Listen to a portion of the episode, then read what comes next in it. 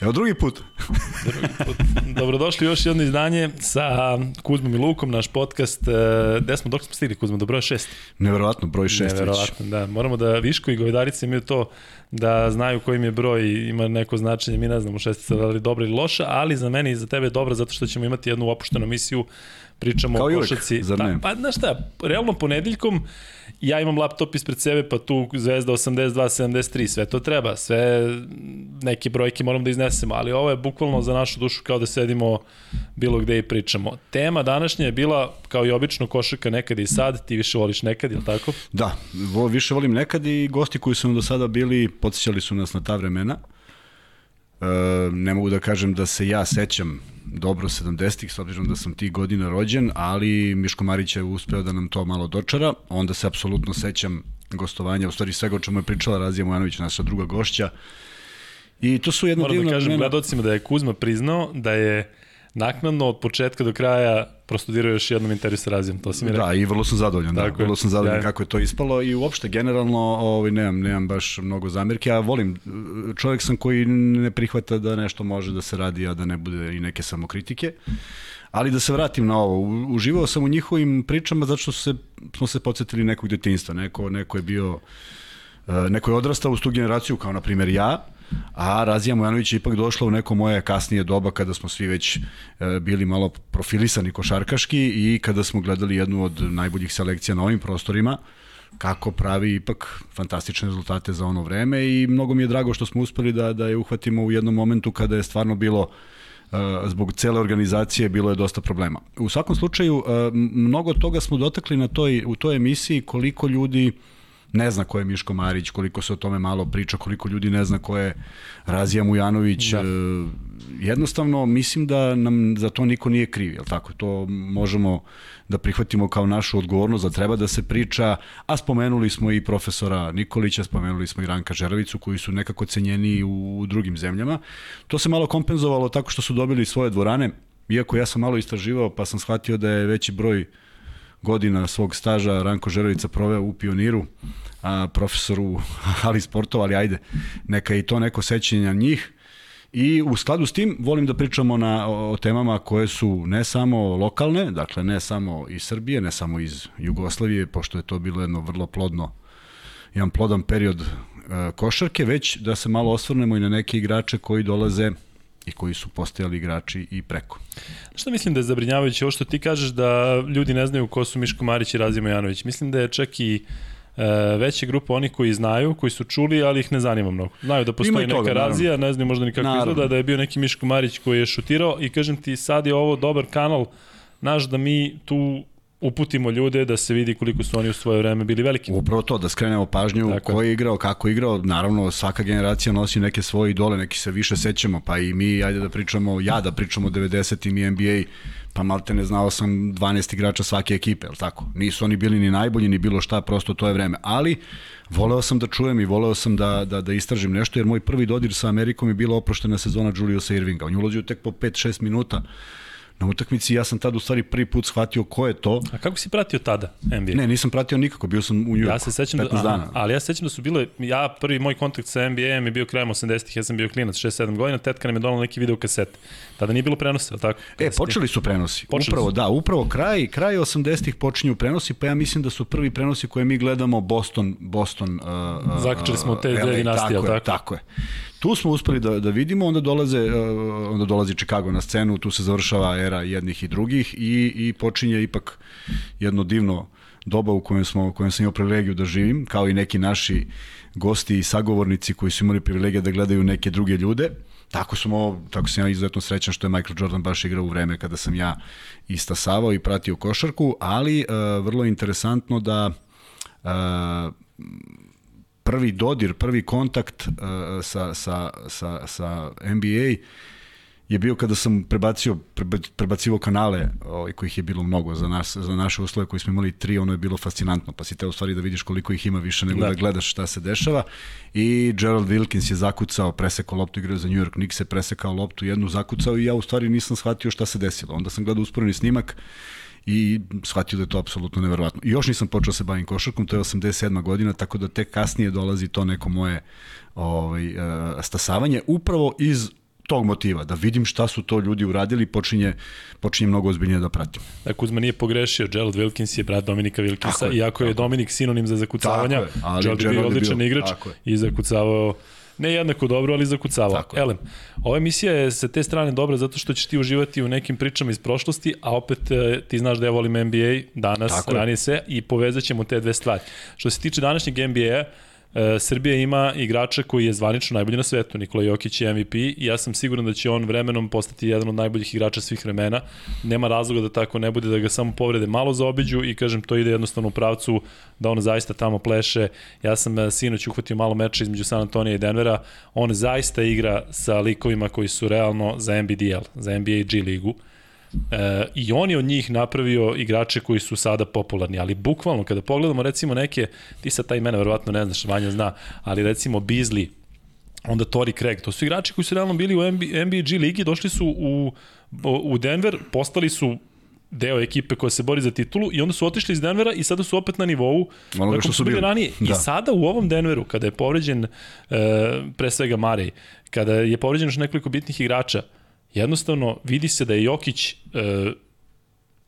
genije koji oko sebe ima ne sporedne uloge, nego likove koji zaista ne mogu da ga isprati ni na koji način. Jedan San Antonio koji je dobra ekipa, Bopović je naravno uvijek dobra ekipa, koja nema nekog lidera, e, ih je bukvalno počistila. I gledam, e, vidio sam da otprilike malo e, Jokić gubi, e, gubi živce, zato što ranije si barem imao nekoga ko može da ti isprati u neku ruku, ali on je jednostavno razlika između njega i ostalih je ogromna i meni deluje da Denver neće, neće uopšte ući u playoff, ali nećemo se time baviti danas, samo sam hteo da pomenem Jokića kao definitivno predstavnika ove zemlje i opet jedan od onih za koji ćemo tek vremenom shvatiti šta radi tamo i koliko radi. Ja sam ušao da pogledam tu statistiku, znam da ne voli statistiku, ali 27 poena, skoro 14 skokova, više od 7 asistencije na početku sezone, to će verovatno rasti, to su nestvarni podaci. Za da. jednog takvog igrača koji fizički jednostavno nije dominantan, ne da nije dominantan, nego on fizički tamo sam znaš e, kako izgleda NBA liga, on ništa ne radi na fizikali. Potpuno si u pravu, ali e, ogromna razlika o periodu u kojem ćemo pričati ovog sada što je sve dostupno, je li tako? Živimo u periodu kada ti se probudiš ujutru, klikneš na jedno dugme i vidiš statistiku svega, sažvakanu sa svih strana, nekome se to sviđa, nekome ne, ali to je, to je mogućnost da saznaš nešto o utakmici. E, onda, smo, onda se vratimo samo onaj period mog igranja, e, kada jedna plejada srpskih i jugoslovenskih igrača odlazi u NBA i koliko je to bilo komplikovano, teško, koliko su se teško izgovarala njihova imena, koliko su oni bili nepoznanice za američku javnost, koliko su se teško probijali u jednoj vrlo tvrdoj sredini koja ne dozvoljava da neki evropljanin dođe i da im preuzme mesto, koliko je to bilo borbe i psihičke i fizičke, koliko se tu e, pokojni Dražen Petrović borio sa svima i sa svojima i sa protivnicima ne bili ne bili pokazao šta zna, koliko je Kukoč čekao da, da, da, da ponovi one igre kao najbolji evropski igrač, koliko je Divac imao sretnu okolnost da odlazi Džabar i da on upada u ekipu kod Magica pa nalazi čoveka koji mu je vjerojatno prijatelj za, do kraja života, al tako? Dakle, sve su to neke stvari koje ljudi manje više znaju, a mi ćemo sad odemo jedan korak unazad. Još jedan korak. Još jedan, unazad, možda da. ima još jedan između, ali da, mi sad imamo da. onaj, onaj još dalje. Kada čak uh, duboko verujem da ni američka, da ni američka javnost nije toliko doživljavala dobro popularno, nije bila toliko popularna NBA liga koliko u ovim trenucima i koliko unazad 30 godina, ali u, po, pošto sam ja neko ko naravno ima, evo ga ovde na stolu, dres sa svojim nadimkom, nisam teo da, da pišu sve, mnogo je dugačko, i imam samo još jedan dres u svojoj kolekciji. Ovde Kuzma. E, da. Imam samo još jedan dres u svojoj kolekciji, e, to je ovaj dres, za koji moram da kažem kako sam ga dobio.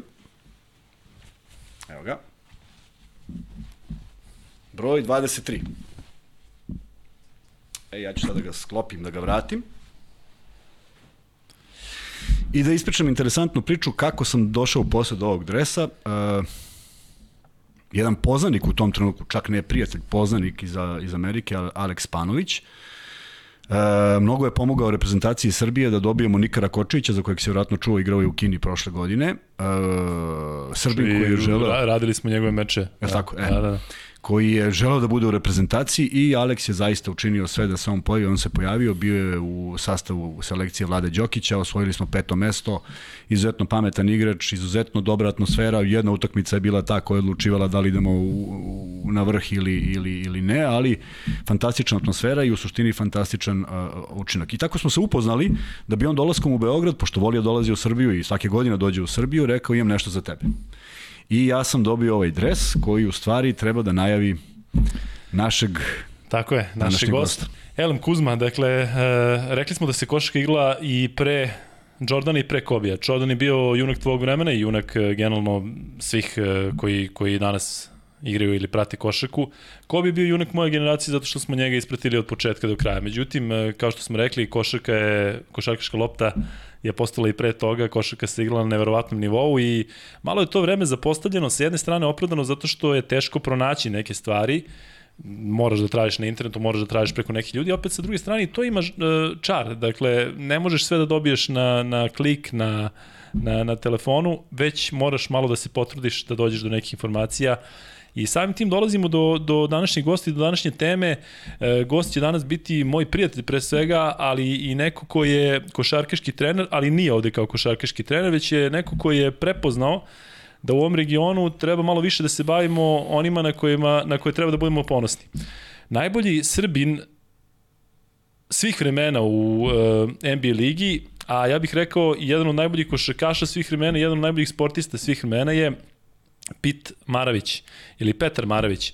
A naš današnji gost je Goran Nešković koji e, je, mogu da kažem, e, ne može da se kaže da je fan, ali je neko ko je prepoznao ko je Pit Maravić i potrudio se da dođe do svih raspoloživih e, informacija u vezi njega i njega poznaje bukvalno bolje nego, nego, nego bilo ko drugi. Gorana je dobrodošao u podcast sa Kuzmi Lukom.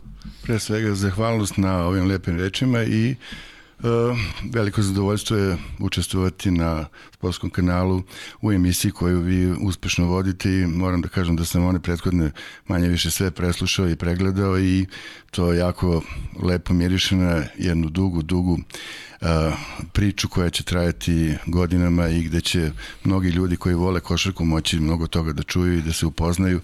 A ovaj deo koji si pomenuo je zaista izuzetno važan jer nažalost mi smo manje više nesvesni protoka vremena, ali sami ste rekli, eto, prođe vreme, pa ni današnje deca već pojma nemaju šta su radili divac i ostali akauni, šta je bilo 70. godina, recimo 71. godine je bio jedan značajan uh, detalj vlada se, Vlada se rodio. Rodio, tako je. A 71. godine je započeta manje više karijera čoveka o kome ćemo večeras pričati. Tako da sam ja velikoj dilemi, da li da sad uh, trošim ovu emisiju na mene kao gosta ili da ja budem takav da posle 100 godina pred mikrofonom preuzmem stvari pa da onda malo pričam o tome kako je bilo kad je Vlada bio u Zvezdi i u budućnosti gde je bilo bolje. Ali ćemo se ti ili, za to. ili da pitamo to... gospodina ovog desno kako je bilo igrati protiv profesora koji je igrao za Enduan u Hali Pionir, ali hajde, eto vam, da. E, eto vam zanimljivih stvari za neku drugu priču. To su nam emisije od 7 do 49. Tako, Tako je. ali, ali eto, vi ste zakoračili tamo preko velike bare u te 70. godine i sad e, može uvek da se dogodi ta neka stvar koja je velika zabluda, to je neko ko sada prati košarku i ko je zaluđen sa LeBron Jamesom ili Jamesom ili već e, sa ne znam nije drugim zvezdama o, ove decenije mogu da kažem, ba šta pričaju ovi sad dinosaurusi o tome šta je bilo pre 70. godina, tad se nije ni igrala košarka, međutim, ta, to vreme je bilo protkano sa najboljim igračima koji su bili i koji su obeležili košarku za sva vremena, kad kažemo jedan Lou Alcindor koji je kasnije promenio ime u Karim Abdul-Jabbar ili Will Chamberlain, koji rekord i dalje drži, ali tako, po broju postignute poena, to je 100 komada, ako se Jeste, ne varam. Da, to je, postoji priča da možda nije tačno, ali ono što sam ja istraživao tačno, zato što niko ne može da potvrdi da je to bilo 100 poena, ali ono jedina slika je onaj papir, na kraju yeah. uh, se ispostavilo da je, da je postigao 100 poena na tom meču, ali Chamberlain, uh, Karim Abdul-Jabbar, uh,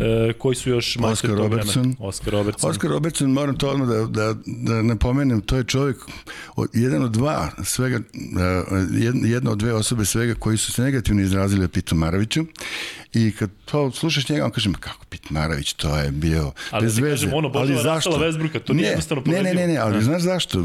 Objašnjenje je vrlo jednostavno, zato što je Oscar Robertson ili Big O, kako su ga zvali, držao sve rekorde, dok se nije pojavio ovaj gospodin o kojem ćemo večeras da pričam. Dakle, drugi je Pat Riley, ali to ćemo kasnije negde da ukačimo tokom razgovora, ali da se mi vratimo iz Amerike se vratimo u jedan deo Srbije za koji nije baš mnogo poznato da je poznat po tome što su ljudi iz tog kraja čak uh, potvrđenjem mnogih koji su to izučavali najviši. Mislim, govorimo o predelima, prostorima cele bivše Jugoslavije. Tačnije o lici. E, zato što, recimo, prvi igrač koji se... Vini, misli se da je u Crnoj Gori da idu najviše ljudi, da. a u stvari podaci pokazuju drugačije. Podaci pokazuju drugačije, znači, eto, jedan od ljudi koji iz, iz tih krajeva, koji je obeležio košarku i, i recimo, čiju vežbu je na svakom treningu određivao po 300 puta čuveni Lou Alcindor, to je George Mikan ili Majkan, kako god. Dakle, čovek o kome se gotovo ništa ne zna, bio, bio visok 2 metra i 8 cm. A, takođe ima sad jedna zanimljiva stvar. 1891. godine, ako se ja ne varam, je izmišljena igra od strane Jamesa Naismitha kao košarka. Hiljadu, je sad jedno pitanje za vas. 1892. godine se po prvi put pojavio jedan, mislim ne jedan, nego sigurno najznamenitiji Srbin u istoriji u istoriji našeg naroda, to je Niko, znamo, da. Nikolaj, Nikolaj po, po crkvenim papirima, inače pravo ima ne pravo, nego onako kako su ga zvali je bio Nikola Tesla. E sad mene zanima, da li bi znate koliko je on bio visok? Kuzmo, ćeš ti pa ja. Ja, zato što ti ako 197. A, Nikola Tesla je bio visok 6 stopi 6 inča 199, znači jedan gorostas takođe ličanin, a mi ćemo večeras govoriti o čoveku koji je bio visok 196 cm. Ja moram priznati da ja nisam imao predstavu, ja sam znači mislio da je preko 180 ali koji centimetar. Mislim da je to vredno pomenuti, zato što je... Neverovatno. Da, i nikad nije ni spomenuto. Tako je. A nije, to je redak podatak, ali eto tako bio je veličina i ovako i onako, kako god ga razmatraš. Ali mi se vraćamo na... Drugog ličanina. Na drugog ličanina i na jedno selo koje se jedno vreme čak zvalo i partiza, Partizanska drežnica i a, to selo je, naravno ličani su čudni ljudi koji su iz tih krajeva zaputili se nigde ma, ni manje ni više nego u Ameriku kao i u neke delove Vojvodine, ali Oni su masovno odlazili krajem 19. i početkom 20. veka i jedna od, jedan od parova koji u to vreme otišao, to, je, to su bili Vajo i njegova supruga Sara. Vajo se prezivao Maravić i on je tamo kao i svi spretni ljudi vrlo brzo našao posao u železari koja je tad bila glavni način opstanka Srba koji su bili vredni i radni i jednostavno oni su tamo počeli da stiču neki svoj kapital, da žive i onda tu već dolazi do jedne, jedne crte koja se može a, provući kroz celu tu priču o porodici Maravića, to su užasno tragični događaji koji su pratili sve te generacije od te generacije dede Pita Maravića o kome večeras pričamo pa sve do sinova Pita Maravića. Šta se dogodilo 1917. godine Vajo Maravić koji je imao posao i umnožili su svoju porodicu, imali su desetoro dece i uh, on je stradao nekim nesrećnim slučajem u toj železdari i ostala je njegova supruga sa devetora dece, što je, mislim, lično nisu tako. To je bilo vreme kad su deca bila blago i radilo se na tom. Ovo je sad neko vreme bele kuge, ali to je sad neka druga priča. I a, ono što je najgore godinu dana posle njegove smrti a, dogodilo se nešto što je neverovatno, to je a, pojava nekog neverovatnog gripa u Americi i taj grip je zbrisao 550.000 ljudi. I e, između ostaloga stradalo je devetoro dece. Znači, preživao je samo jedan dečak, taj dečak se zvao Peter, ili Petar, kako god, i sad tu već krećemo priču o ocu uh, Pita Maravića, koji u suštini, uh, kad malo bolje razmišljaš, zaslužan za sve to što se kasnije događalo, jer da on nije bio takav kakav je bio, nikada Pit kao njegov sin ne bi dosegao te visine nesluđene koje su i dan, i dan danas apsolutno nedodirljive. Idemo redom, dakle, da. njegov otac je imao zanimljiv nadimak Pres. Da, Pres nadimak je dobio kao dečak jer je on raznosio štampu, pošto u Americi moraš uvijek nešto da radiš da je preživao, iako to, kad pričaš ovde, odavde u Americi kao sve tamo ne izvolite, međutim nije tačno. E, raznosio je tu štampu, to je jedna verzija. Bila je neka druga verzija koja je rekla da je on bio brbljiv, pa da je svašta pričao, pa da su ga zato zvali Pres. Ali ja bih više prihvatio kao da, vjerodostojnu da. ovu gde je on raznosio a, štampu. Pres Maravić je, pored toga što je bio a, vredan radnik, tražio neke svoje načine da se iskaže kao ličnost i počeo je da se bavi košarkom. Ta košarka je u to vreme naravno bila na tom nivou kako je bila, međutim on je imao vrlo dobre rezultate i a, a, vremenom je iz tog nekog perioda kada je bio igrač polako prelazio kasnije da ne pravimo sad tu neke velike priče o tome jer stvarno su suvišne trebalo bi na šest tipova emisija. Emisija bi mogla da se zove između koševa To je moj Eto, predlog. Imamo, imamo, na, imamo jedan predlog za emisiju, dobro? No, pa meni je to onako logično i srpski je. Jer moram ti kažem sledeće, ja živim u nekom selu, imam kuću i sad preko puta mene naprave pekaru i napišu Chicago. Mislim, to logično. je tako. Mislim, ako je srpska emisija, a vodite vas dvojica, onda mi je logično da to da svi, ceo svet razume, tako da bude Prikupljamo, izvini, prikupljamo sve predloge. Naravno, ali eto, ja sam bio bezobrazan da kažem. Naravno, naravno. Prikupljamo i dobili smo nekoliko interesantnih predloga i zaista čitamo sve što nam pišete, tako da pišete i dalje i nadam se da će biti sve više sugestije i predloga, ako treba i nekih kritika, na sve smo spremni da bi emisija bila bolja.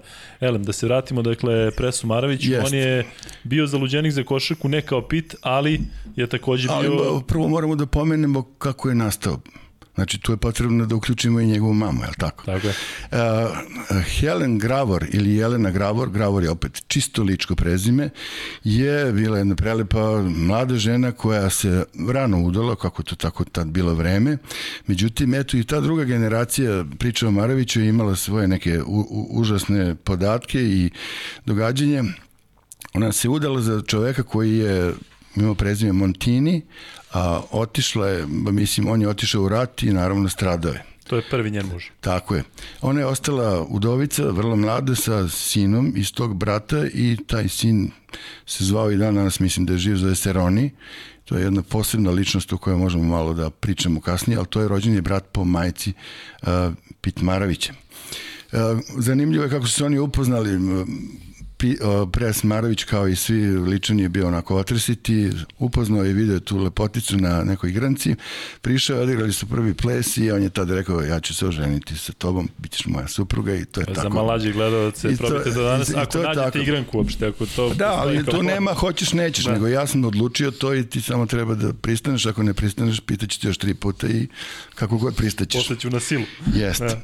I eto, 47. godine, ako se ne varam, iz te ljubavi i i, i iz tog, da kažem, zajedništva Pres Marovića i ovaj Helen dogodio se dogodio se jedan dečak koji je u startu već imao usmerenje jer obično deca slede korake svojih očeva što znam iz ličnog iskustva, ali tako, i onda na mojeg deca prebacuju kao, a što si me terao da radim ovo kao, mogu je da bude baletan umesto košarkaš, ali tako. I dakle, dečak e, Pet je bio vrlo ovako, kako bih rekao, nežne građe, svega, i a, e, pokazivao je vrlo sklonosti ka sportu. Međutim, tu se sad dešavalo da je on, kao i sva deca koja a, nastaju i stasavaju u Americi, se a, usmeravao ka američkom futbolu i ka a, bejsbolu. Međutim, Pres je već bio zaražen totalno košarkom, tako da nije dolazilo u obzir. I onda čak ima neke surove metode u smislu da je a, trenere koji su a, se malo bavili njegovim sinom, a bili treneri futbala i bejsbola, čak im je namano govorio da bacaju jače lopte, da, da bi ovaj mali imao neke traume i da bi ga odvikao od toga. Pritom je on se vreme pres maturi igrao košarku u dvorištu i mali nije želeo da mu se priključi, međutim ovaj ga odbijao na neko prvo vreme, da bi jedan dan ipak majka koja je bila majka, majka uvek majka, e, rekla, a hajde, idi, pridružimo se. I tu je počelo e, to neko čudno druženje oca i sina i e, čak ima jedna izjava kad kaže a, a, Pres je bio zaluđen za košarkom, a Pit je bio lud za svojim ocem. Tako da jednostavno na, na, nasledio to i nastavio i tu počinje ta priča koja je zanimljiva u kom smislu, zato što treba vidjeti kako je on kako je on stasavao. Ono što je odlučujuće po meni za, za razvoj, to je upravo e, ta genijalnost njegovog oca. I na tome možemo da se zadržimo kasnije možemo, kada možemo, možemo i sada. Možemo i sada. Uh, uh, metode koje su bile pa sve. metode, znači sve ono što je Pit Maravić radio kao dečak od svih tih vežbi a pola tih vežbi ti možeš da vidiš kad odeš na YouTube pa pogledaš uh, recimo zagrevanje pred utakmice koje je Pit igrao kao već NBA igrač i to je bio cirkus To su bile neverovatne vežbe, sve te vežbe su bile baratanje sa loptom. Recimo, jedna od vežbi je da on drži uh, loptu uh, pozadi uh, u visini kolena sa obe ruke. Pazi, to je svega koliko? 25 cm, 30, da, da kažeš 35 od, od tla.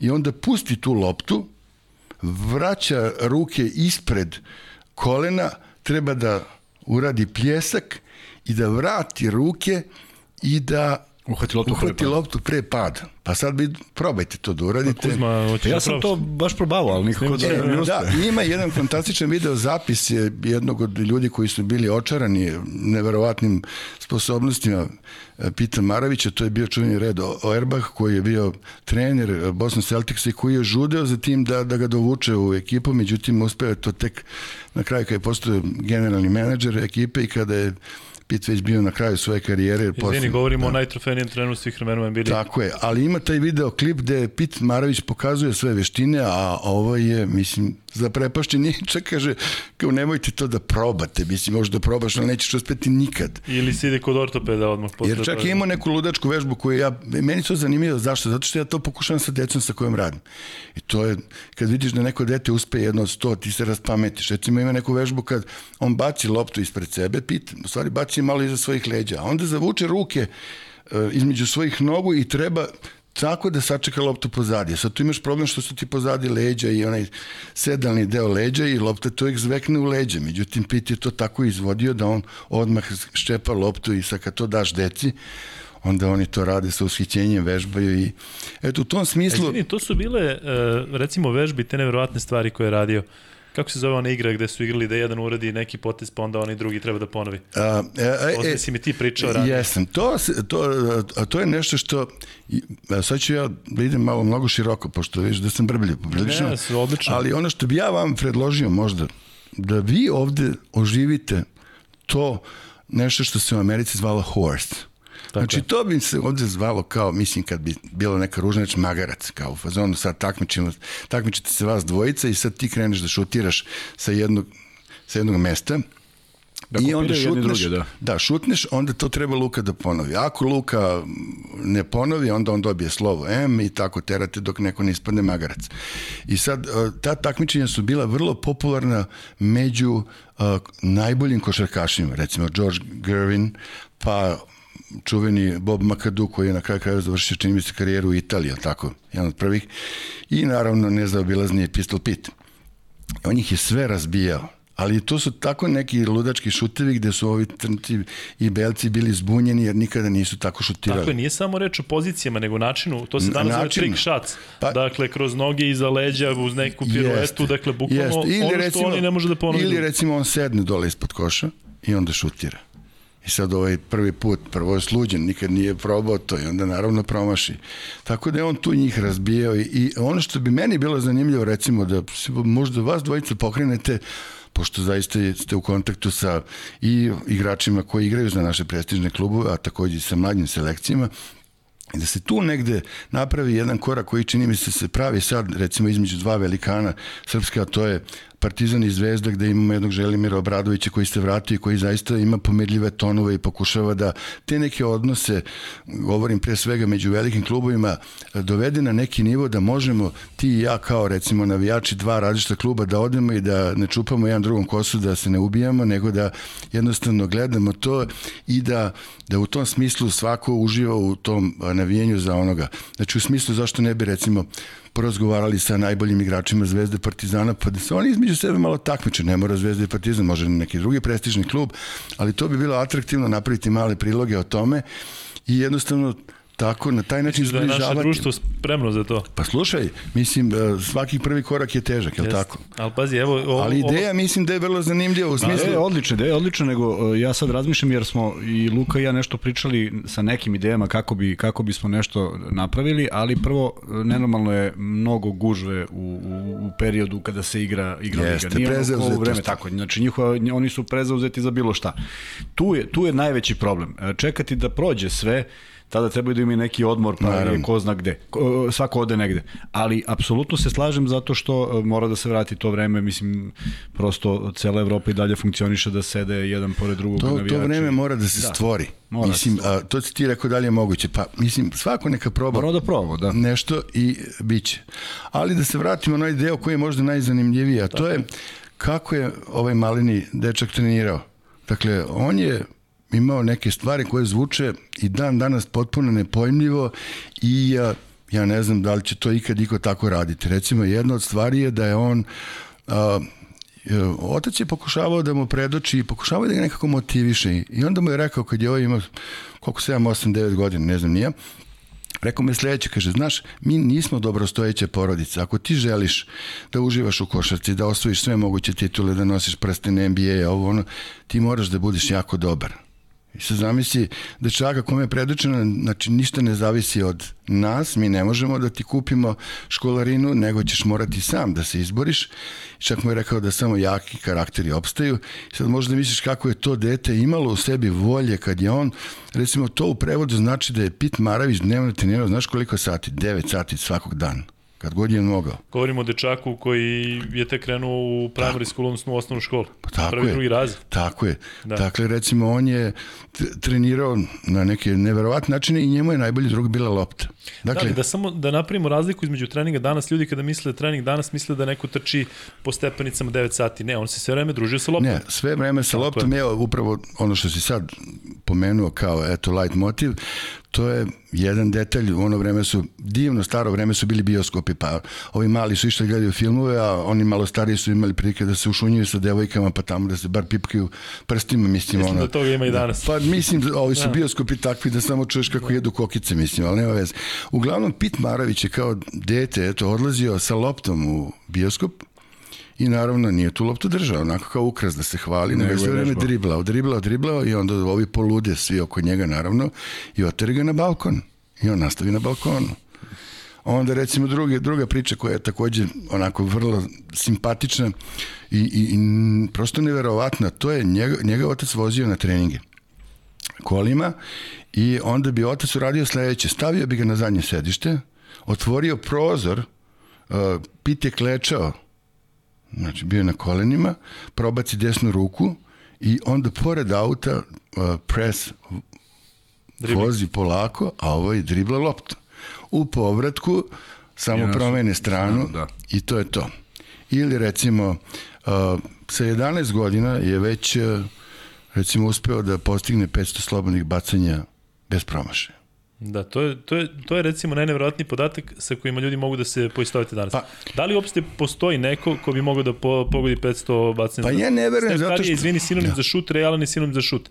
Ali recimo prema klipovima koji su danas dostupni, oni imaju recimo, dešavalo se, ne znam, od 100 trojki, pa 80 trojki ili sve, ali 500 slobodnih bacanja za redom, to ja mislim da, da nikada niko nije uspeo, računajući dakle i oni koji se bave i ne bave košarkom.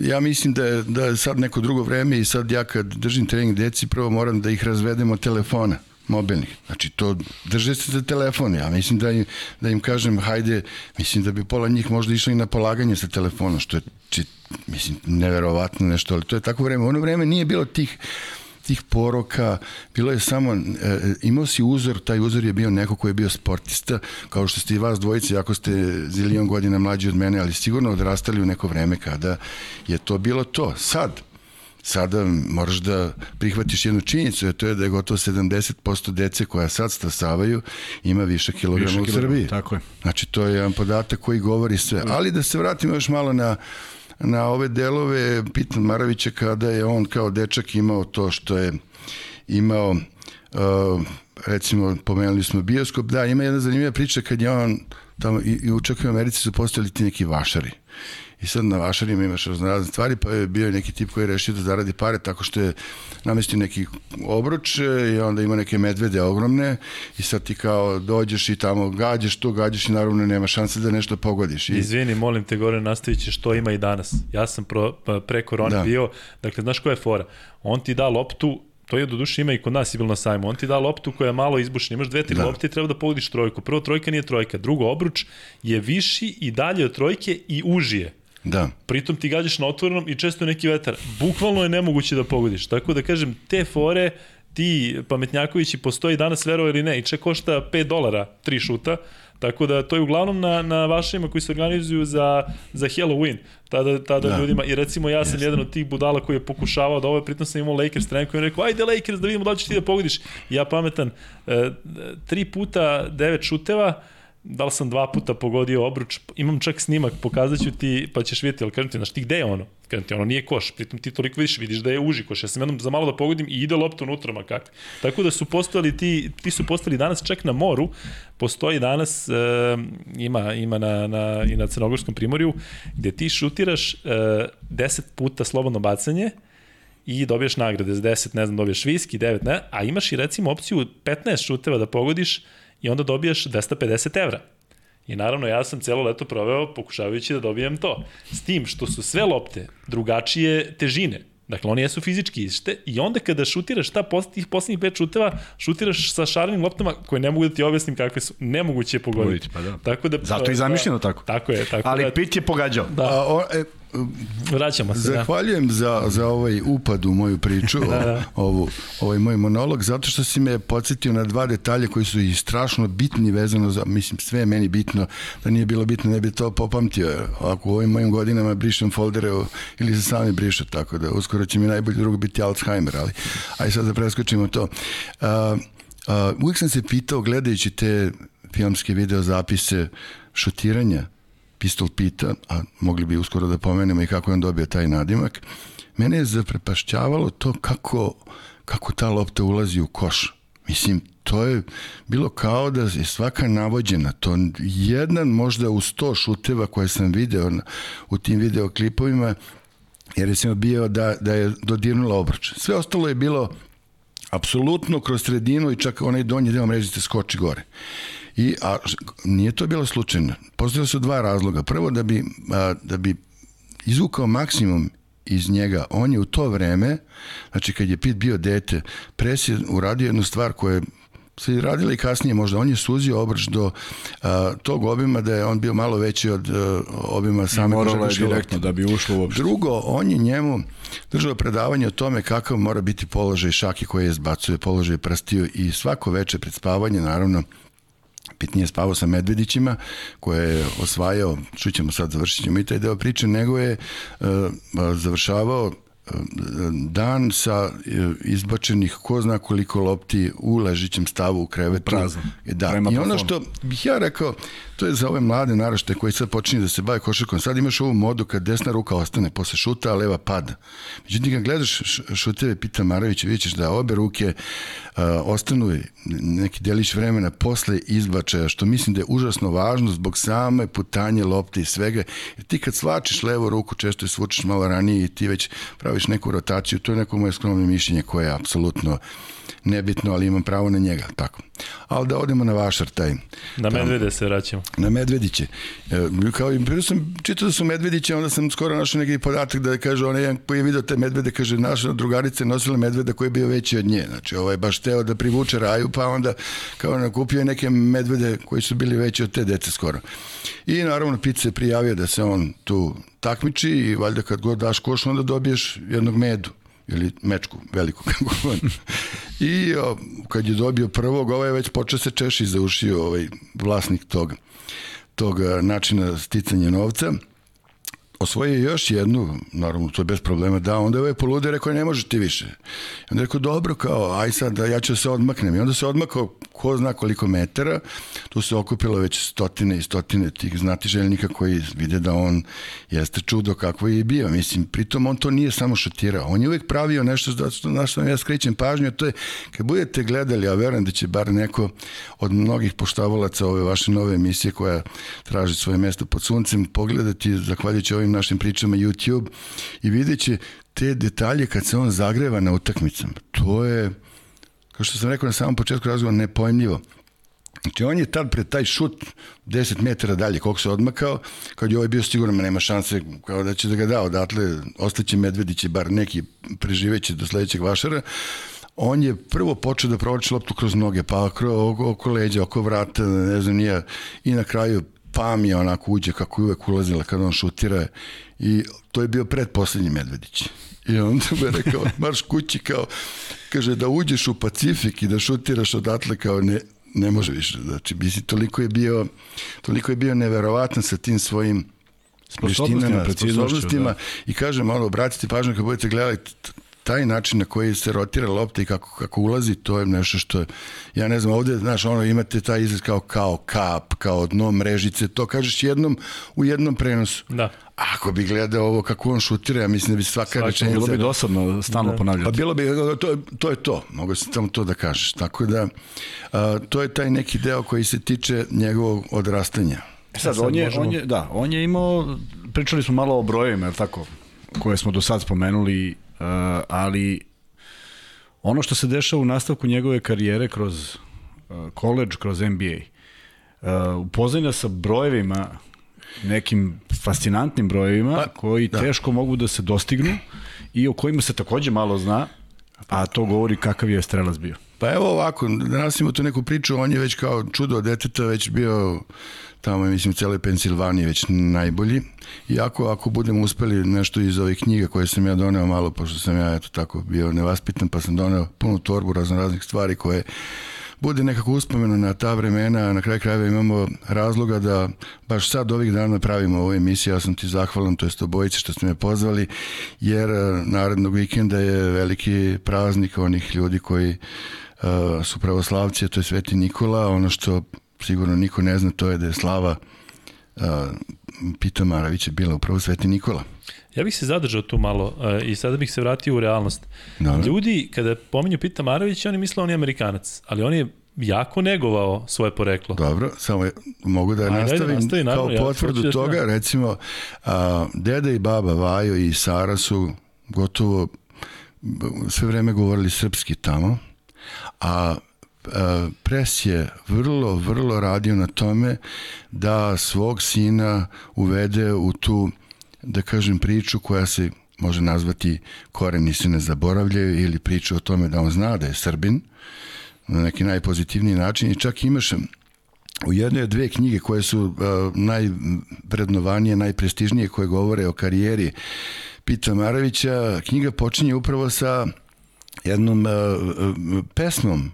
Ja sam kopao, kopao, nigde ne mogu da nađem iz koje pesme su ti stihovi, otprilike uh, uh, idu uh, sine, oči moje, čuvaj ono što je tvoje, ali doslovce to piše na srpskom. Govorimo o američkoj knjizi. Tako je, Tako koji je da, da. pisao jedan od nekih čuvenih biografa koji je obradio između ostalog i život Pita Marović. Tako da to je jedan ovako redkost da knjiga počinje sa, e, sa tim i počinje, ajde da pomenemo i taj detalj, da se ne vraćam posle na njega. E, početak jedne od te dve knjige govori o jednom od najčuvenijih muzičara Bobu Dylanu. Bob Dylan je ono što se malo zna ovde, pored toga što je nevjerovatan muzičar, on imao i svoj radijski show, kao što vi imate u svojoj emisiji, tako je on imao tu smo svo, mi svoje emisije. Pa tu samo, samo instrumente. Mi smo znali, ovi ostali ne znaju. Je, jeste. I a, on je posvetio čak jednu pesmu a, kad je čuo da je Pit preminuo i ja, čak je rekao to je čovjek koji je mogao da igra košaku vezanih očiju.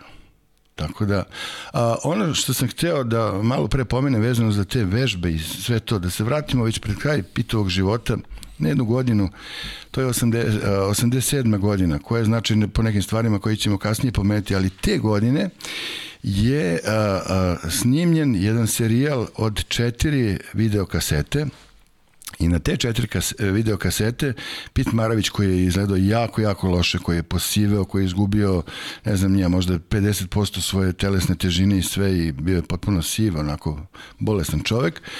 On je a, uradio nešto što sad mnogi zovu košarkaška biblija za, za sve uzraste, a to je serijal gde je jedna videokaseta obradila baratanje loptom, druga driblinge, treća uh, šut i četvrta je bila dodavanje. dodavanje.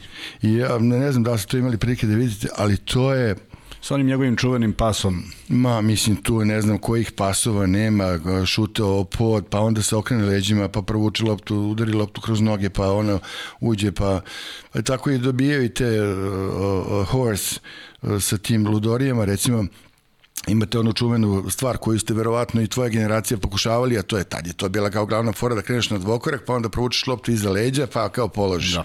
E sad moram da vas vratim na jedan detalj opet koji treba da iskopate na na, na, na YouTube-u, a on se tiče uh, jedne utakmice gde on to primenio tad, to je bilo ha, negde 70, 70. godina, a, primenio je to na utakmici protiv čuvenih Lakers. Tada su za Lakers igrali Will Chamberlain, koji je bio poznat eto, kao eto, dao sto koševa, da sad ne pomenjamo Ovo drugo. A, koliko, je, koliko je žena obradova u svom životu, eto, ajde da kažemo 20.000, mislim, eto, tako da je bio čudo. I a, a, recimo, pojavio se i čovek čije logo i dan danas silueta njegova se koristi kao logo NBA-a, to je Jerry West.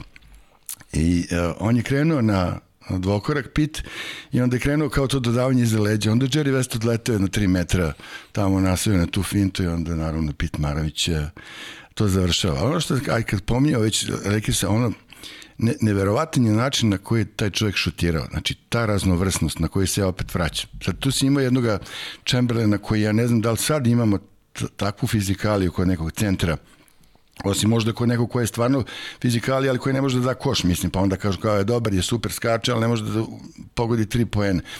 On, on je imao jedan izbačaj koji je neverovatno, to je izbačaj sasvim od ozdo. I on je bacao tu loptu u nekom raskoraku kad uhvatite medvede velike i lopta leti, leti, imaš utisak da leti nekoliko sekundi od ozdo, mislim, baca je sa visine kuka, i ona udara o tablu i Will Chamberlain sa svojom svojom e, težinom, visinom i sa rukama rasponom skače i ništa. Isto takva scena sa Lou Alcindorom kasnije Karim Abdul-Jabarom. Znači, prosto neverovatno kako je on to radio sa nekim šutem koji sad apsolutno ne postoji. Ima drugih šuteva gde on, gde on recimo šutirao skoči i onda počne da pada i kako pada on prebacuje svoju ruku koja naravno stoji desna ruka na desnoj strani grudi iskrivi je skroz u desno i onda odavde iz nekog potpuno položaja van balansa da koš o tablu ili se okrene leđima šutne tako da bio veliki problem za igrača Nisam ja bih se da vratio, izvini Gorane, na taj period, ponovo malo da hronološki idemo. Ajmo, uh, univerzitet. Tako je, da se vratimo univerzitet. Tako je, ti si i za meni i za Kuzma imao jedno trivija pitanje, pa je Kuzma bio bliže zato što je znao odgovor, da. ali ljudi danas vole poređenje, poređenje i vole brojke. Ajde da Tako da se je. malo bavimo poređenjem između Jordana i e, Maravića i njihovih e, koleč karijera. Evo ovako, e, pre toga moramo reći da postoje dva bitna činioca koji razlikuju vreme MJ-a i Michael Jordana i Pistol Pita. Te dve razlike su u tome što u vreme kada je Pete Maravić završio svoju studentsku karijeru, a igrao je svega tri godine za Louisiana State University, možemo i to da pomenemo kako je došao dotle, jer on ni za živu glavu nije hteo da igra tamo. Mislim, on je želeo, aj sad ispričamo i tu priču, želeo da igra za West Virginia, verovatno su tamo bili dobri igrači sve.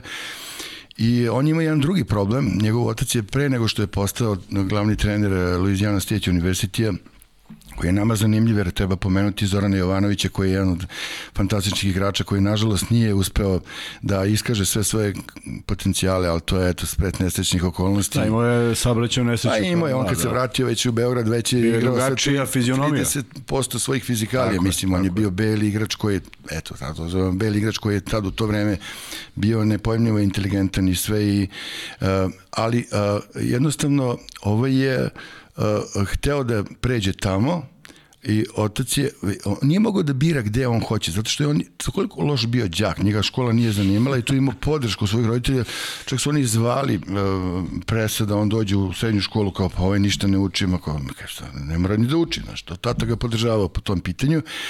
I uh, onda je on je odlučio se za West Virginia, onda je otac rekao možeš da ideš tamo, ali više ne možeš da dođeš nikad u svoje kuće. Mislim, surovo, ali eto, njih dvojice su često imali sukobe i majka je bila ta koja je pokušavala da ih miri, jer naravno uvek su mlađi i starije u tom raskoraku, uvek je između tebe i tvog deteta određeni broj godina i treba neko vreme kao što je tebi trebalo da možda svog roditelja razumeš i meni mog i tebi tvog, tako i naše deci treba neko vreme da razumeju nas.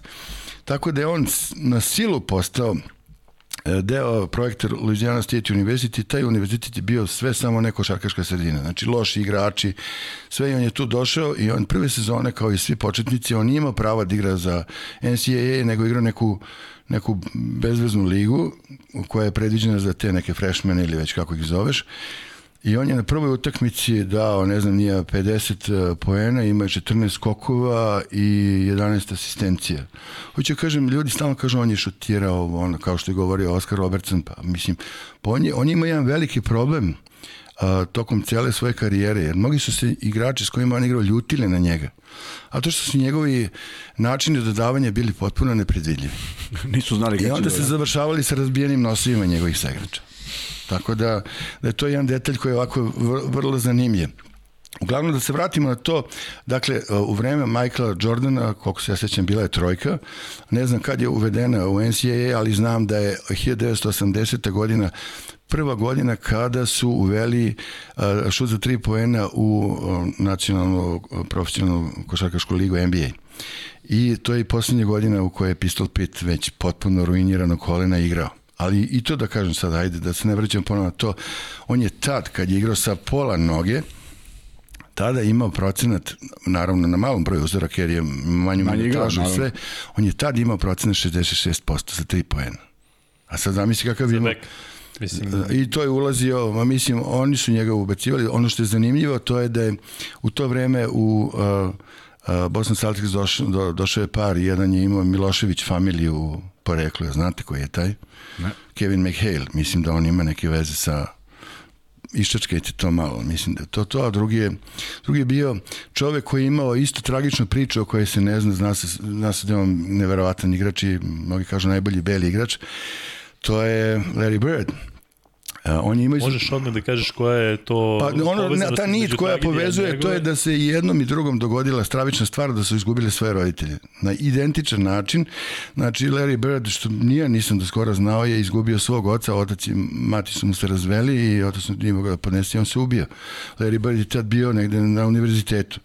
A, takođe Pit Marović je bio negde a, to je a, 70 i neka godina kad je on tek 74. godine, ja mislim da je bila godina kad je njegova majka a, tragično skončala, ali ajde da kažem i zašto. Znači, njegova majka je bila emotivac, prvo imala taj šok što je izgubila supruga prvog s kojim imala sina, onda je imala tog sina koji je bio problematičan, ter on je, on je na kraju krajeva bio i vijetnamski veteran, kraj krajeva toliko bio van, van neke kontrole da, da on i njegova supruga kad su dobili decu, oni su se odrekli svog rođenog deteta, pa je onda e, Pres Maravić, koji nikakve veze nije imao, osim što je bio očuk njemu, uzeo da čuva tu Dajanu ili Dijanu Maravić i a, sve se to dešavalo u vreme kad su obojica pravili strašne karijere. Sad zamisli imaš majku koja 10 godina uh, je izgubila neki kontakt sa realnošću u smislu da je ta žena upala u alkohol, da je, da je čak imala neke paranoje vezano za bojala se vrana, nije izlazila ošli iz,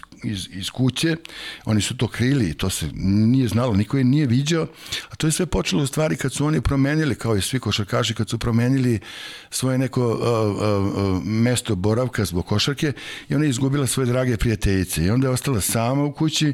Ovi su naravno jurili košarku po ceo dan i noć i tu je počeo da se raspada njen sistem koji se završio sa ogromnim količinama alkohola i na kraju samobistvom. Eto, Larry Bird je isto ima tako tužnu priču, ali ajde sad da skočimo e, iz tih dana u, u, u danas, današnji dan u štampi piše nešto da malo povezujemo i da osvežimo ovu emisiju. Danas se prenela ponovo izjava opet čoveka čiji je mural od skora se nalazi u Beogradu, to verovatno znate da je urađen mural ovaj, velikog, velikog ludog Srbina Grega Popovića. Ponovo urađen? Nije ponovo, urađen je pre mesec dana. A, to pa da, da. Da, mislim... Neko da nije nešto novo. Ne, ne, ne, ne, ne, da. nego, eto, Greg Popović je danas rekao da gledajući Nikolu Jokića, da je on zaprepašćen koliko on ima sposobnosti kao dodavač i onda je rekao niti skače dobro, niti je brz, niti ovo ono, ali je neverovatan. I onda me to vraća u neko vreme kad je Pit Maravić imao neki svoj intervju i onda su ga pitali pre karijere za koga on misli da je najbolji trenutni igrač, on je rekao Larry Bird niti, do, niti je najbolji skakač, niti je najbolji šuter, niti je najbolji dodavač, sve, ali kad sve sabereš, on je najbolji. Mislim, bukvalno uh, godi ovo poređenje kad čuješ da opet jedan Srbin koji je eto, tim fizikalijama, bivši Bucko, koji je, eto, koliko pio 2 litra Coca-Cola na dan, jeo koliko stotina kila bureka mesečno, je postao neko ko će oboriti za Bože zdravlje uskoro sve rekorde da, koje, što, koje drže. Što potire priču o fizikalijama, o skočnosti, o brzini, jednostavno košarka Apsolutno, sad ti rekao jednu veliku istinu. Tako. Kada su pitali Pit Marović u istom tom intervju koga on uh, uh, doživljava kao vrhunski igrača, on je pomenuo Larry Birda, pomenuo je Irvin Magic Johnsona i mislim da je pomenuo Lou Alcindora. Rekao je, to su ljudi koji imaju instinkt. Kao što Larry Bird, koji niti je brz ni sve, nikomu ništa nije mogao. Znači da. ima nešto i on je to rekao God's gift ili Boži dar i to kao trener ne možeš ništa to je samo da jednostavno to prepoznaš i da tako dete usmeriš.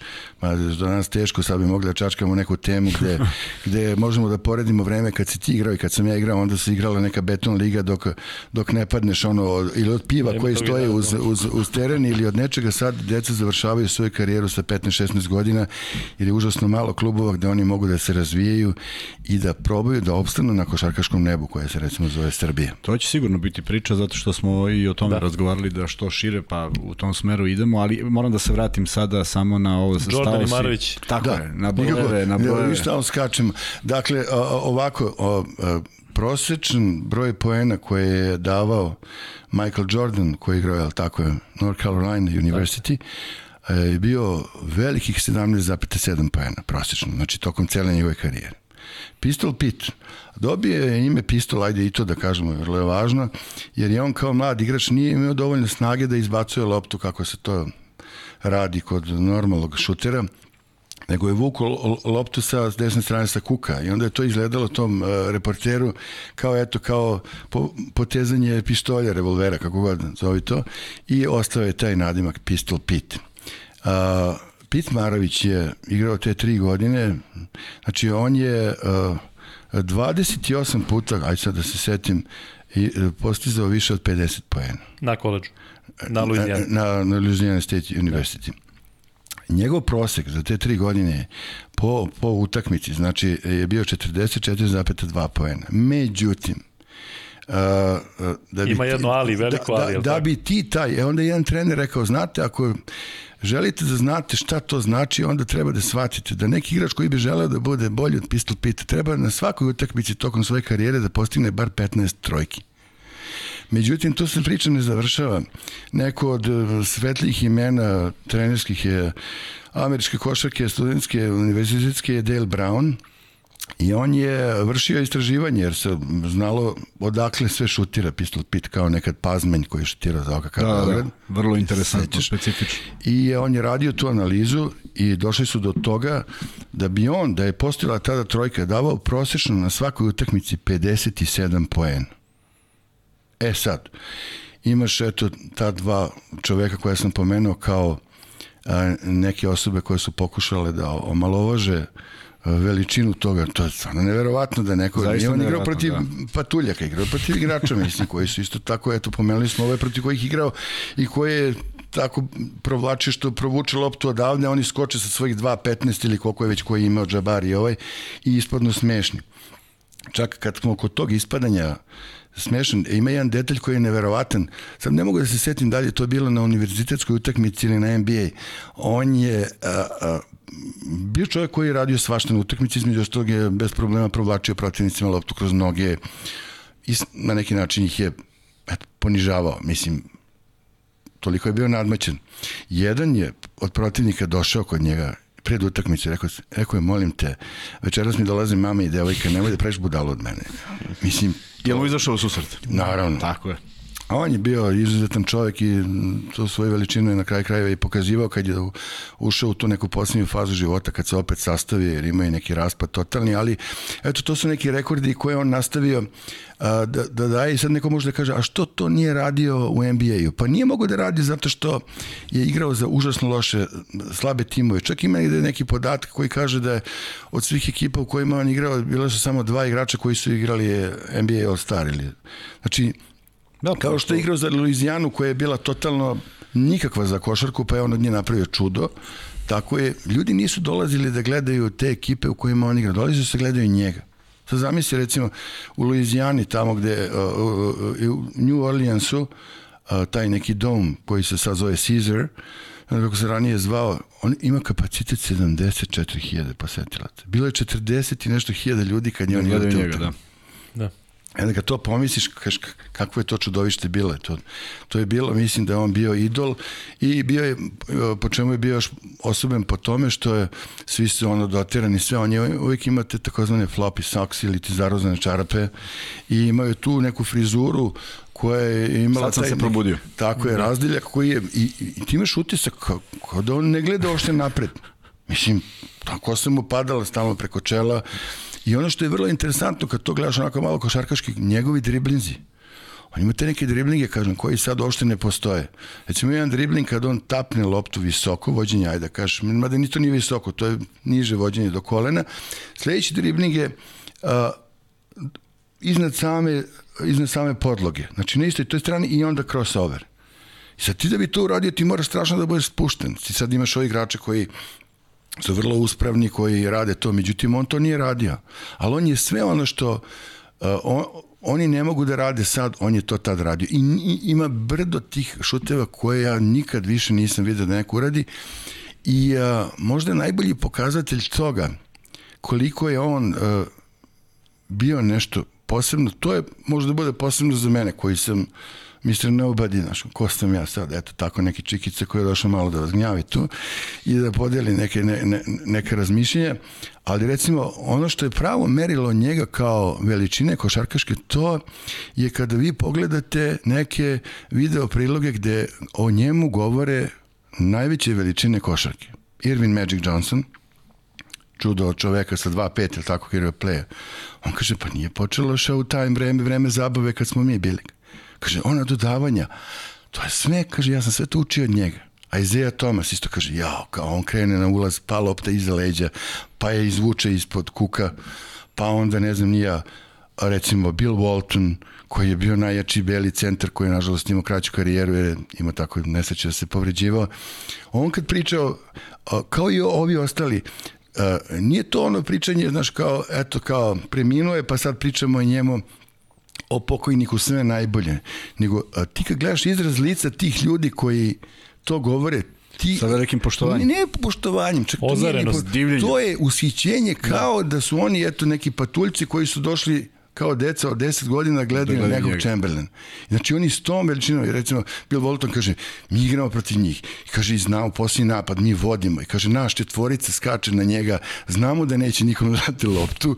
I kaže, on skoči i onda mulja levo, desno i kaže, lopta, ono, po sredini i oni pobede. Tako da, on, ono što je on doživeo, to je da su svi oni i taj recimo Nate Tiny Archibald koji je bio u zakucavanju čini mi se neki pobednik jedne sezone, oni su svi tako govorili i ono što je najvažnije, recimo jedan od njih koji je crni igrač bio, kaže, to je bilo neverovatno, kaže, mi smo navikli da crni igrači imaju neke sposobnosti koje beli nemaju. Kaže, ali zamisli on, kažeš, goljav, nikakav, kaže, on je sve radio. A sad, da to povežemo sa još jednom stvari, pošto smo, eto, rekli koliko je bio nadmoćen na univerzitetu i besmisleno da više pričamo išta, rekli smo ti rekordi, U stvari ima jedna majica koju sam ja donao ovde, koju možda ćete snimiti, možda nećete, ali ona je zanimljiva, na leđima te majice piše, kaže, svi rekordi su zato da budu srušeni. A ispod toga piše, ali ne ovaj. I onda piše broj poena koje on postigao za tri godine i broj prosečno poena koje je dao po utakmici. Kao... Na univerzitetu? Da, da, da, da.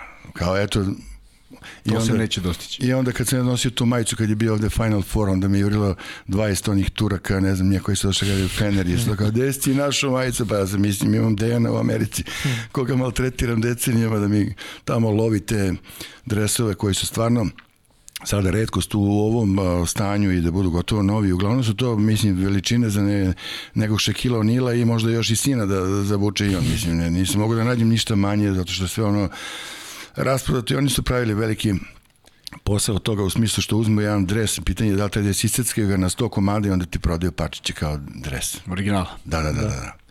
Uh, I ima još jedna stvar koja je uh, bila bitna, to je kad je on birao gde će da igra, on je Sad smo prešli na NBA, je li tako? Ako ste se umorili, hoćete da pijete vode malo? Ne, ne, ne. Okay, idemo samo Idemo da legnemo malo. 1970. je on došao u NBA. Ta, tako je, 1970. i a, on je a, potpisao za Atlanta Hawks. Nažalost, opet ekipa koja je Evo ga ovde dres, imamo dres Hawksa Jest. koji si nam donao, imamo brdo dresova i Jest. za tebe, i za Kuzme na stolu, a i puno Jeste, torbe a i on je, on je pokazao dres u kome je rekao da će pričati, ja sam isti takav donao. Pa verujem, ali ni zato sam ti rekao da ga ne Ne, ne, sad, sam, sad mi je jasno što si to uradio. Ali za Uzma taj voli sam- taj faktor Ej, za iznenađenja. taj sam bilo iznenađenje. Za, jeste svaki čas. Za taj sam se borio krvnički, mislim, to je bilo da pa, onda kupim dres, pa onda ispadne da je popljivan od muva, pa onda Ja, jurim. sigurno da ti je taj dres u torbi. Ne, a, ne smijem da ti kažem, zato što kad bi znao, mislim, na kraju kraju, ja, sam- na, na kraju moj prijatelj Dejan rekao jednom prikom, kaže, ti nisi normalno, imaš više dresova nego što je on imao dok je bio živ, mislim, tako to je. Kad je bolest, ono, ono je bolest. I on je potpisao za Atlantu Hawks i tu je nastao odmah problem. On je potpisao ugovor koji je po pričama bio vredan milion 900 hiljada dolara. Luke Hudson, koji je bio najveća zvezda tad, eh, koji je takođe bio u tim nekim video klipovima, zapisima, on je imao minimum tri puta manju platu.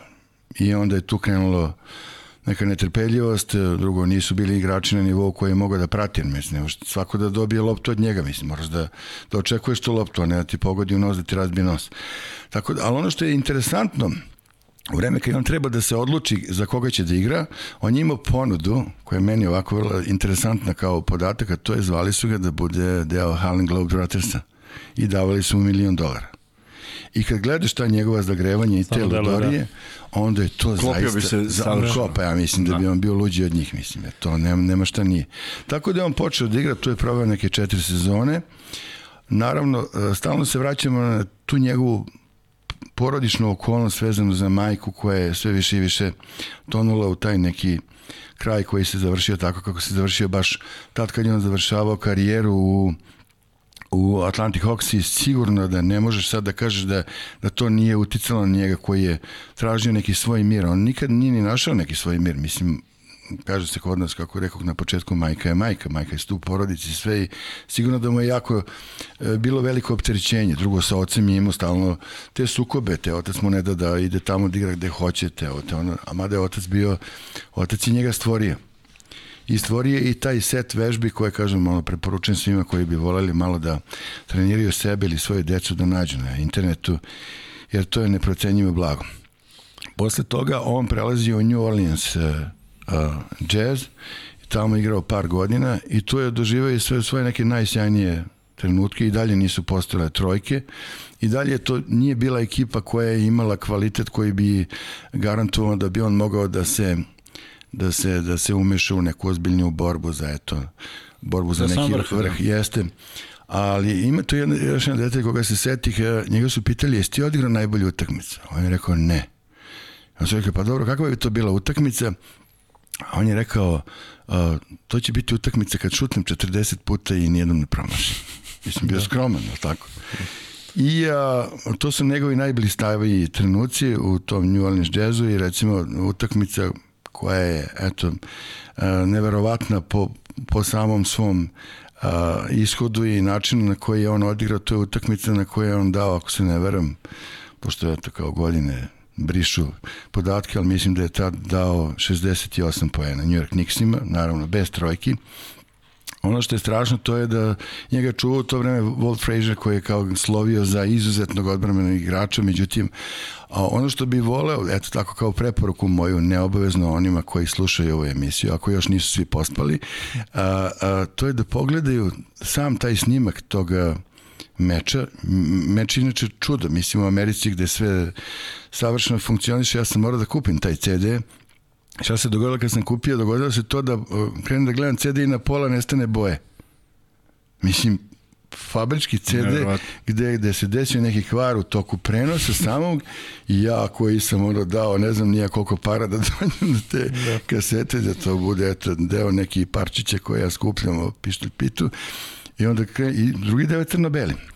I, I šta je on radio? Ono što, kažem, volio da skrenem pažnju, to je način na koji on šutirao. On je na toj utakmici na sve moguće načine šutirao. Postigao Čak posto, i da. recimo, ne, ne znam samo na toj utakmici, imaju neka dodavanja koja su vrlo zanimljiva. Govorili smo o načinu kako je šutirao. A sad, recimo, ima jedno dodavanje gde on dodavao loptu bukvalno na možda 15-20 cm od poda. Kao kad bacaš kuglu u kojem hoćeš onake egle da porušiš. I onda naravno baca takvu kontru ovaj visoki dok oni siđu dole u prizemlje, lopta već dođe do ono koji u kontri on završi.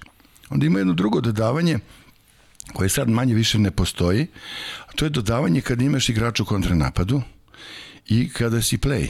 Znači, jer kad je visoki igrač, on se uči, jel tako, da skoči, da se rotira u, u prijemu loptu i da odmah baca loptu bez driblinga, ako je uočio igrača svog u kontri. Međutim, kada je play ima loptu, on bi onda iz driblinga trebao da vuče tu loptu gore iznad ramena pa da je lansira. Pit Maravić je napravio neverovatnu uštedu tako što je on, kako je driblao loptu desnom rukom, recimo, on je iz tog driblinga nju opet sa te visine kuka slao šakom u pravcu. I mislim sad, opet ne smijem se zakunem, jer jako je ružno govoriti neke podatke koje baš nisam 100% siguran, ali čini mi se da sam o tome pričao sa gospodinom Nenadom Trunićem, koji je sad čini mi se u štabu, tako, reprezentacije. Yes, yes. I mislim da je on analizirao a, e, taj način izbačaja kod pištolj pita i govori o tome koliko je ušteda u vremenu kada ti imaš to dodavanje iz koraka, iz globa, kada ne dižeš loptu gore, jer sve to podrazumeva neko vreme.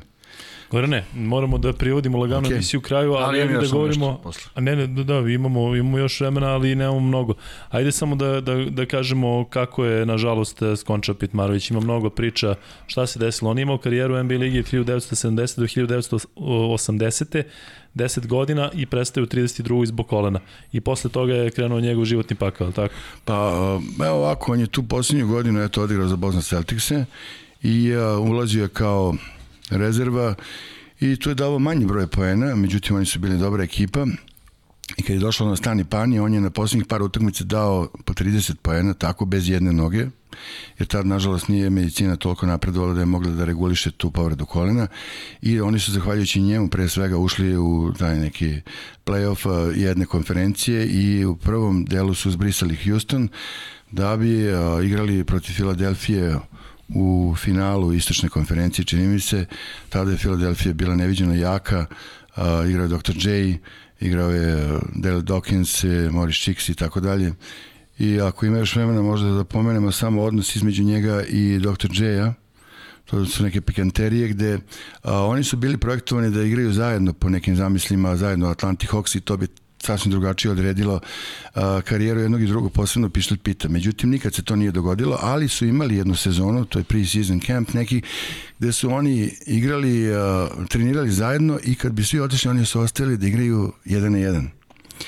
I igrali su čak i tri neke utakmice uh, nezvanične, a zajedno su nastupili zvanično samo na jednom ili na dva NBA All-Star game. Ali ono što je zanimljivo, kako su uh, se završavali ti basketi jedan na jedan.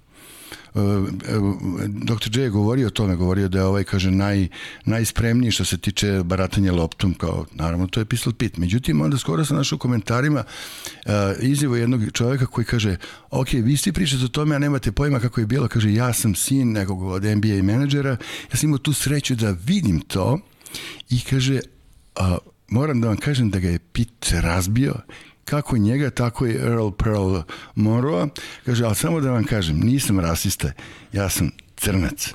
Da. Mislim, što daje da, tek da. na težini kada on kaže, jasne, jasne. kaže, ja volim, kaže, moje igrače, ali moram da budem iskren. iskren da je ovo. Ali da se vratimo na ovo. Znaš, jednu šokantnu e, stvar koja se tiče samog, e, kako bih rekao, kraja. On kad je uh, imao 20 i uh, koliko, 3 godine ili nešto, pitali su ga da li planira da dugo igra NBA. On je rekao, ne pada mi na pamet da igram 10 godina i da umrem od srca u 40. godini. Uh, to je rekao no, kad je bio aktivan igrač možda 70, 70, 74. Uh, uh, dakle, dakle u suštini uh, uh, neverovatno da se sve dogodilo kako je rekao igrao je od Atlante do Bostona s kojim je završio karijeru znači od 70. do 80.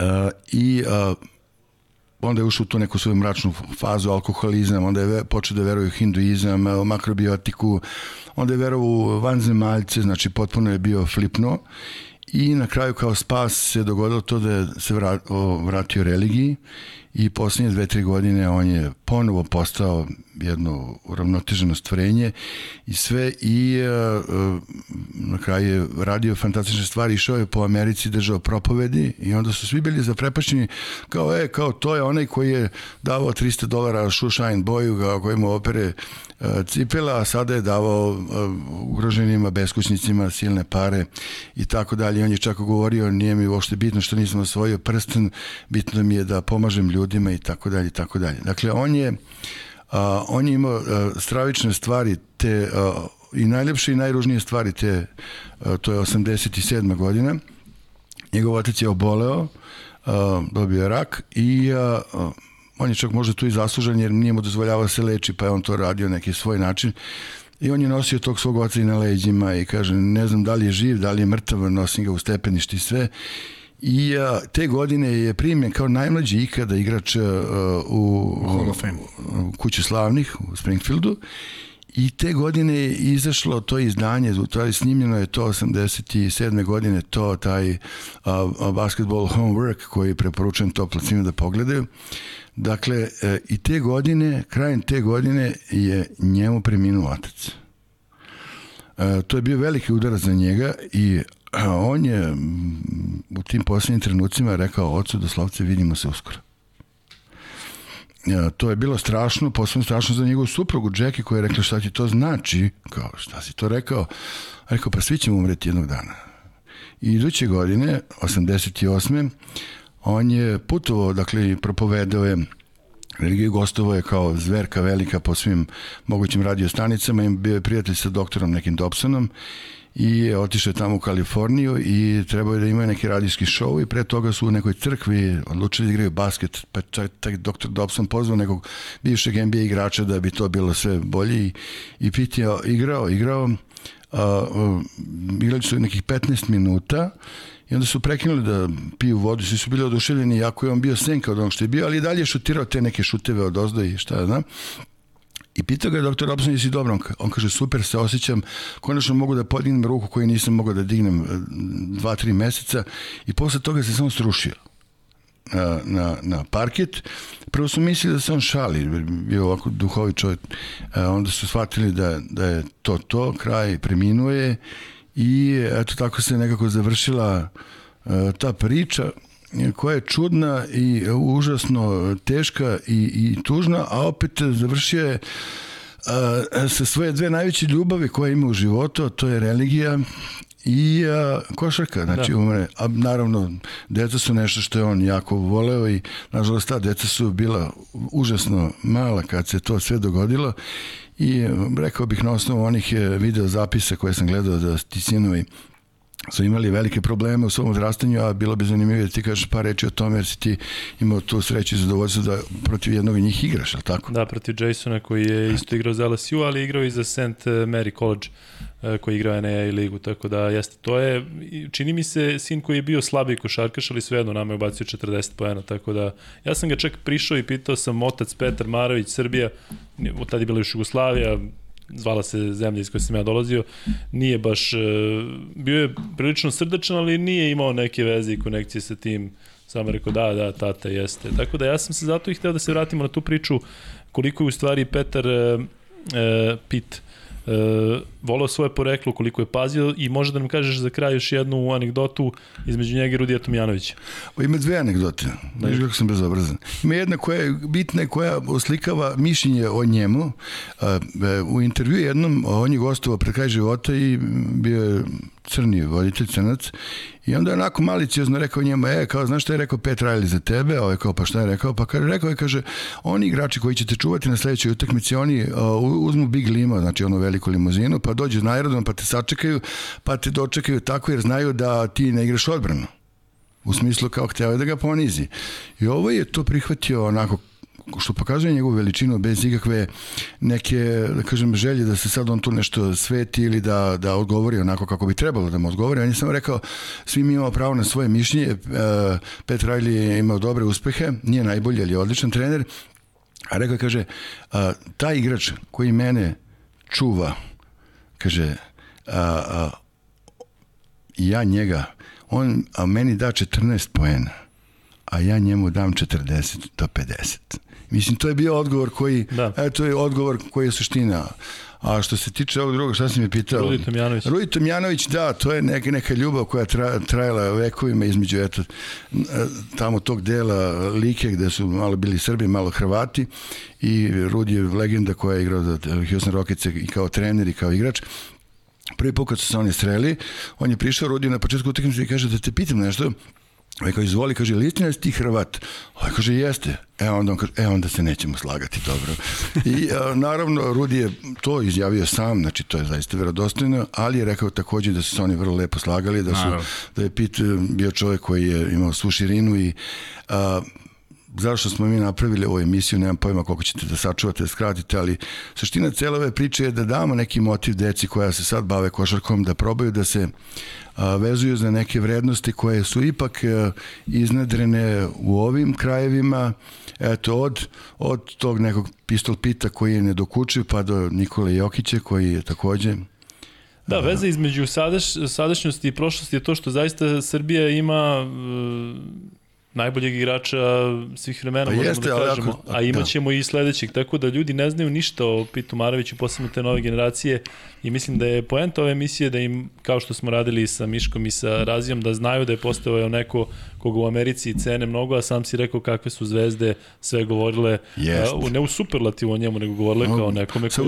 je druga, kao, kao deteca koje pričaju o veličini. Ali tako. evo ti jedna paralela opet za kraj. Uh, Teodosić, Jokić, Maravić, uh, daj mi četvrtog koji ima tu vrstu dodavanja. Znači, okay. to je nešto što ovi krajevi vuku, mislim. Neću ja da kažem da toga nema i tamo, ali... Pa boga mi, evo, a sada mi kažeš ajde da nađemo nije, četvrtog. Nije da ima, je li tako? Nije da baš ima često. Kuzma, ti si uh, Ja sam teo samo, kad već privodimo emisiju u kraju, ja se iskreno nadam da... Koliko emisija?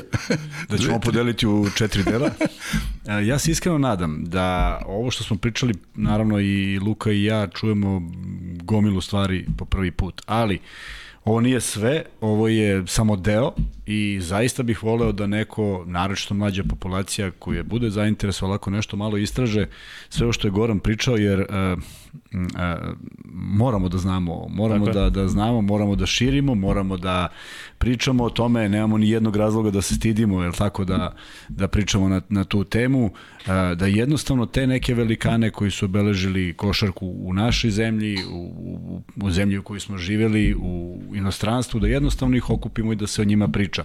I nadam se da će a, a, svima prijati, iz, meni jeste ovo što si pričao, zato što je vrlo pitko, zato što je a, nešto što nismo imali prilike da čujemo i za mene je bilo vrlo interesantno. To pričaš i... zato što tvoj sin ne čeka da ide kod stomatologa. Tako je. Da, pa samo nije. zato, samo zato. Je, samo u svoje zato, ime pričaš. da, ali e, šal na stranu, zaista Gorane, hvala puno e, što si uopšte bio deo našeg ovog podcasta, što si podelio mnogo informacije sa nama. E, Kuzma, Um, mi se u ponedljak, e, nažalost ili na sreću, vraćamo u onu realnost, dakle Partizan da, pobegli smo malo, pobegli smo malo ovaj, iz svega ovoga. Radujem se ja i ponedeljku, zato što ja onda pričamo o dobrim o stvarima koje su protekle nedelje zaista Tako bile je. kako treba i pričat ćemo o njima. Ali ovo je zaista ovaj, jedno zadovoljstvo, Gorane, što si bio sa nama. E, iskreno se nadam i vidjet ćemo reakcije ljudi, možda bude neke druge prilike da nastavimo i da opet neke, neke detalje o kojima nismo razgovarali, pa možda da napravimo i nešto interesantnije sa, sa, sa mnogo više sagovornika, ali o tom potom. U svakom slučaju ja sam uživao, nadam se i gledalci, Luka, verujem naravno, da si i ti. Naravno, ja sam, ja sam neke priče kroz već znao, druženje i prijateljstvo sa uh, Goranom uh, već znao.